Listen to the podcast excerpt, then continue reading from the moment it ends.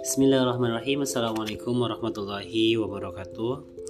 Pada malam hari ini insya Allah kita akan membahas mengenai tema buku Maaf Tuhan Aku Hampir Menyerah yang dikarang oleh Alfian Al-Ghazali.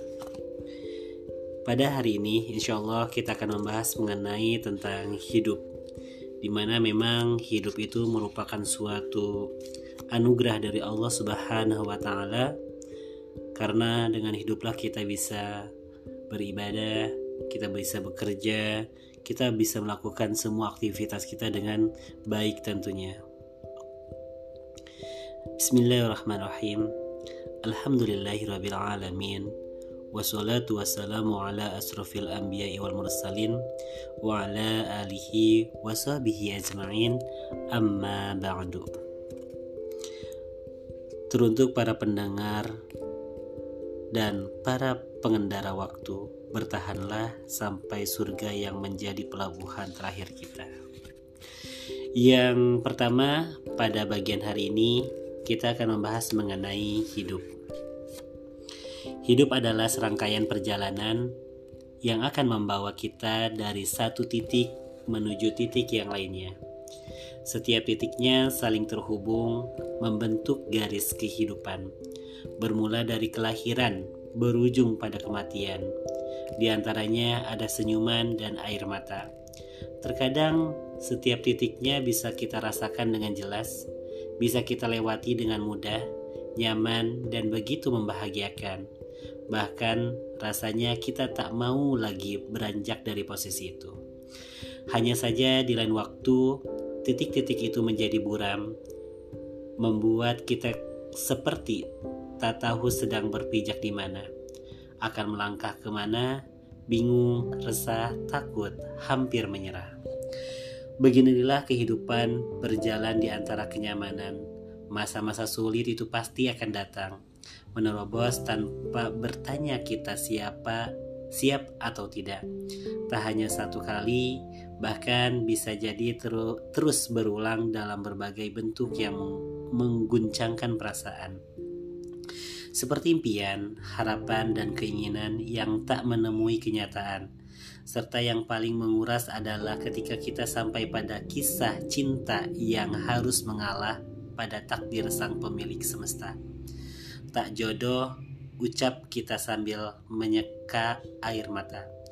Tuhan tidak adil, adalah kalimat yang mungkin paling sering kita utarakan.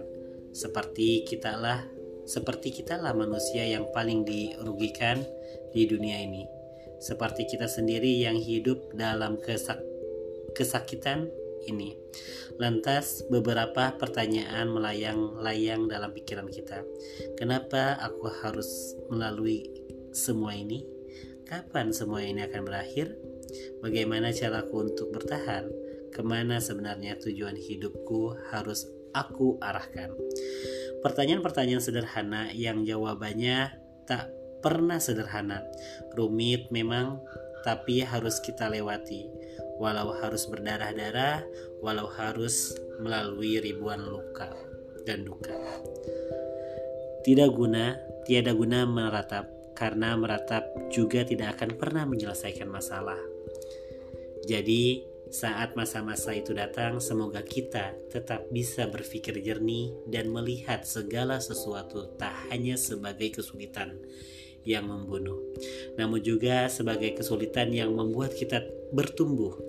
Hikmah-hikmah besar itu memang selalu tersembunyi di balik serangkaian masalah, maka bertahanlah. Allah tidak akan membiarkan kita berjuang sendiri apabila kita turut melibatkan Allah dalam perjuangan ini. Ingat selalu bahwa kita tidak sedang berada di kehidupan percobaan yang jika kita gagal pada akhirnya nanti bisa kita ulang dari awal lagi. Tidak begitu, kehidupan hanya berjalan satu kali.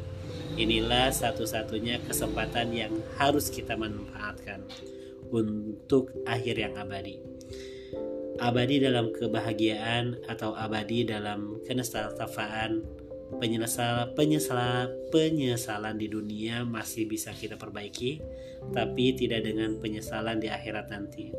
Mari menyelam bersamaku. Semoga beberapa pertanyaan yang bersarang di kepala kita semua bisa menemui jawabannya di buku ini. Aku akan teman, aku akan menemani jatuh dan bangunmu.